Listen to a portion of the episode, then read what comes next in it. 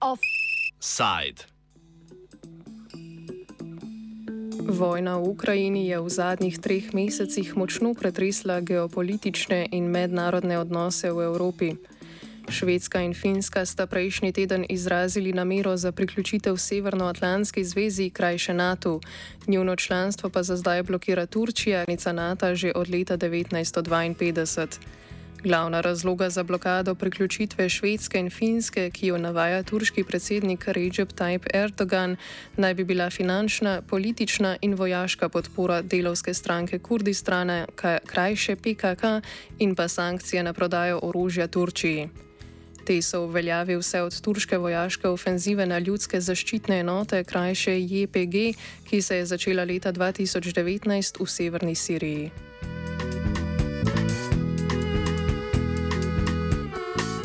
V Turčiji zadnje tri dni potekajo tudi protesti zaradi obsodbe voditeljice istanbulskega dela opozicijske republikanske stranke, krajše CHP, Džanan Kaftanđulu, na pet let pogojne zaporne kazni. Kaftan Džulu je bila obtožena sodelovanja na protivladnih protestih v parku Gezi leta 2013, do oblasti sovražnih zapisov na Twitterju med letoma 2012 in 2017 in domnevnih povezav z delovsko stranko Kurdistrana, krajše PKK. Kaftan Džulu je bila sicer že pred tremi leti obsojena na deset let zaporne kazni, a ji je prizivno sodišče zdaj kazen znižalo na pet let. Leta 2019 je bila Kaftan Džulu med najbolj zaslužnimi za zmago republikanske stranke na istanbulskih lokalnih volitvah. Prizivno sodišče je prepovedalo tudi politično udejstovanje, zato ne bo mogla sodelovati na predsedniških volitvah prihodnje leto. Protesti potekajo v večini večjih turških mest, v Istanbulu pa naj bi se v soboto v solidarnost in podporo Kaftanžulu zbralo več deset tisoč ljudi.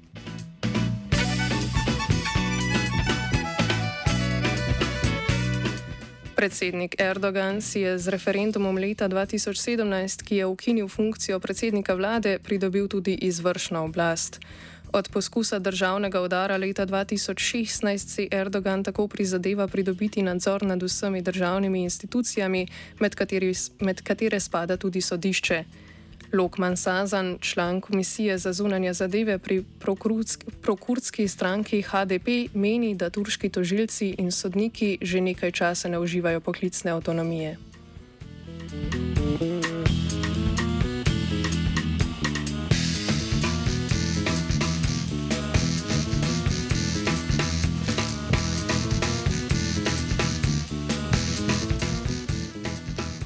After the uh, coup attempt of the 2015 in Turkey, the around, I mean, the thousands of the judges and the prosecutors has been suspended from the job. And after that, the, the ruling party, AKP, started to uh, cast the, the lawyers to being a judge and also prosecutors from the party. So that's why you cannot say the the the courts, I mean, including the judges and also prosecutors, are not independent and not following the rule of law. They're just following the uh, uh, directives, di- direction of the AKP.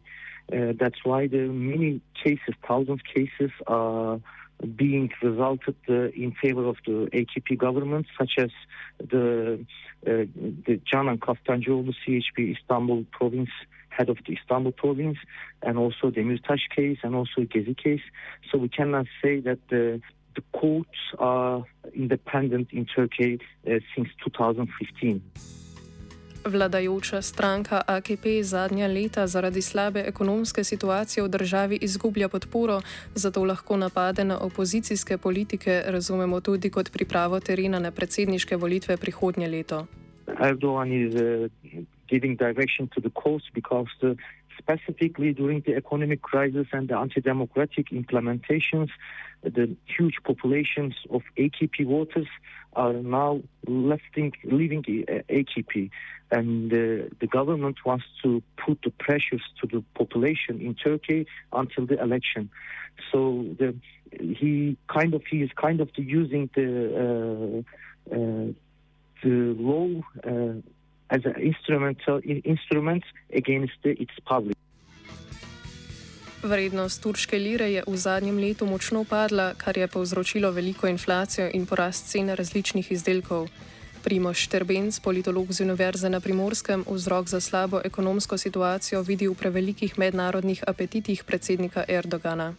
Imam občutek, da je Turčija, čeprav smo dolgo časa govorili od, pravi, od prihoda stranke za pravičnost in razvoj na oblast, da gre za da gre za malo azijskega tigra, kljub temu, da je turška ekonomija zagotovo hitro napredovala, uh, pa nisem prepričan, da je napredovala turška ekonomija torej v takšni meri, kot se je takrat zdelo, oziroma povedano drugače. Jaz mislim, da ima Erdogan bistveno, bistveno večje mednarodne ambicije, kot jih lahko, kot jih lahko podpira stanje turške ekonomije.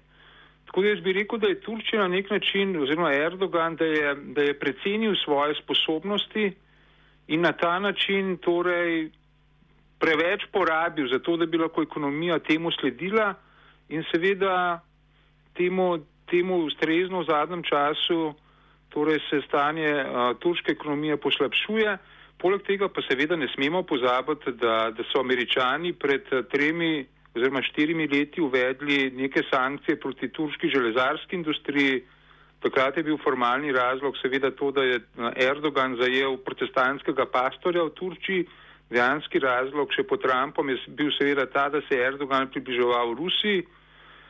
In a, torej vse to skupaj lahko govori o tem, da, da preprosto je Turčija precenila svoje sposobnosti. Res pa je, da Erdogan vodi neko politiko, kjer naprimer v Afriki skuša pridobiti nove trge in torej nove surovine in tako naprej.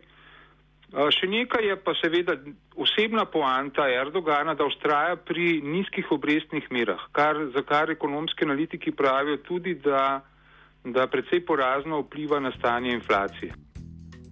Opozicijske stranke, med katere spada tudi CHP, nasprotujejo izvedbi Erdoganovega tako imenovanega neo-osmanskega ekspanzionističnega načrta, ki predvideva priključitev nekaterih delov v severni Siriji in Iraku Turčiji. Sazan meni, da Erdogan z neo-osmanskim načrtom želi pridobiti podporo voljivcev. Internal uh, politics, in, I mean, the situation in Turkey is now, you know, pushing to Erdogan out of the power. That's why the Erdogan needs to find something to convince its its voters, and the, the new Ottoman ideology has been raised because of this.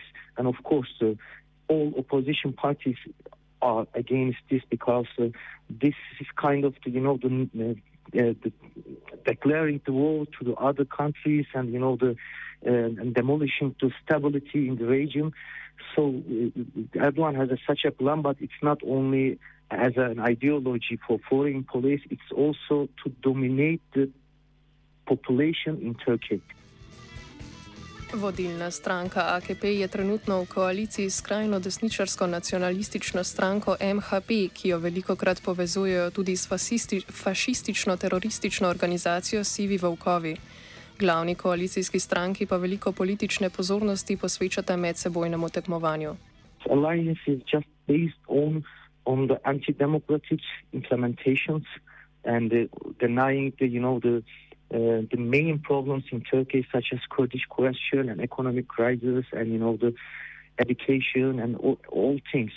So the, since seven years, that these both parties are based on the ultranationalist um, implementation, and they attack each other. Actually, they are kind of on racing to be who will be the more nationalist or the most nationalist, and this costs not only to the you know to the economy to the to the other aspects directly affect the, the, the population because I mean the uh, the almost whole population every single person had been polarized because of the, these ultranationalist uh, policies.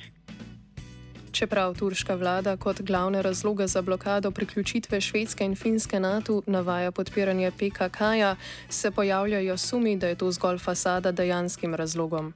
Torej, tu, da Erdogan formalno povdarja, da bi morale članice NATO ustreje nastopiti proti delovski stranki Kurdistana in pa proti ljudskim zaščitnim modelkom, ki so vojaško krilo stranke Demokratične unije, najmočnejše stranke sirskih kurdov, to je pač neka stalnica, ki je na stalnem dnevnem redu turškega predsednika. Nisem pa prepričan, da je to res tisti pravi, pravi razlog, zaradi katerega Erdogan blokira širitev NATO oziroma da je to tisto, kar bi res eh, rad dosegal. Šterbenc meni tudi, da Erdoganovi cilji niso nujno bolj vojaško, ekonomsko in populistično usmerjeni. Da Erdogan želi doseči tri druge cilje. Eden je vsekakor ta, da morda misli, da bi lahko izsilil v Združenih držav Amerike, da bi Turčije vendarle prodale vojaška letala, ki jih ZDA nočejo prodati tej maloazijski državi, zaradi tega, ker je kupila ruske protizračni sistem S-400. Torej, to je prvi mogoč razlog za neko turško izselevanje. Bi pa temu dodal še drug razlog, da jasno je, da je ekonomska situacija v Turčiji zelo slaba, da je, da je vrednost lire torej izjemno padla, inflacija visoka, zmeraj več ljudi živi v revščini in neizogibno se zmanjšuje podpora stranki za pravičnost in razvoj oziroma predsedniku Erdoganu. Erdogan verjetno želi s tem izsiljevanjem NATO oziroma blokiranjem širitve na Finsko in Švedsko pokazati turškemu prebivalstvu, da je vendarle še nek močan voditelj, ki lahko tudi vpliva bistveno na neke mednarodne zadeve oziroma na ta način pridobiti kakšen, kakšno podporo več v sami Turčiji, ker se tudi približujejo nekatere volitve. Veliko vlogo pri blokiranju širitve NATO proti vzhodu bi lahko imelo tudi sodelovanje z Rusijo na več frontah. Tako bi lahko to interpretirali kot poskus ugajanja ruskemu predsedniku Vladimirju Putinu.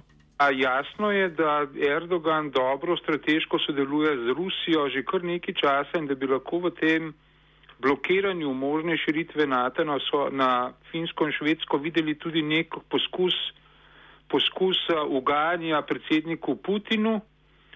Namreč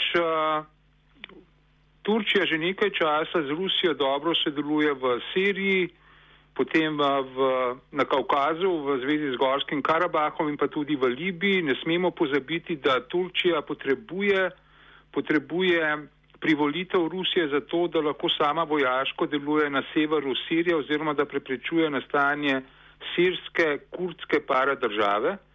Vendar bi pa tle upozoril, da Erdogan, Erdogan igra neko zelo kompleksno igro, neko igro torej uravnoteževanja svojega odnosa nasproti Rusiji. Torej njegova politika nikakor ni popolnoma proruska, ampak hoče s tem, morda s tem blokiranjem širitve, torej ugoditi Rusiji ker po drugi strani torej je jasno, da Turčija prodaja drone, zelo, zelo uspešne drone Bayraktar Ukrajini, tako da Ukrajinci lahko dobro uničujejo ruske vojaške enote v Ukrajini.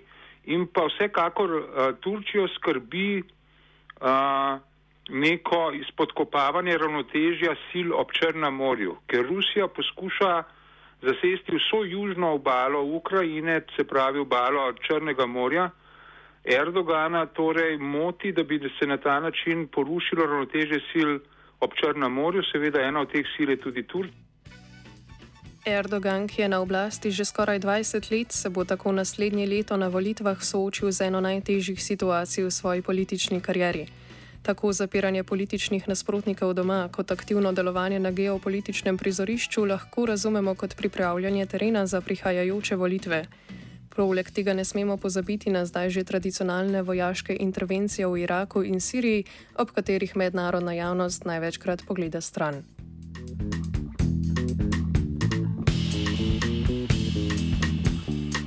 Offside je napisal Finn.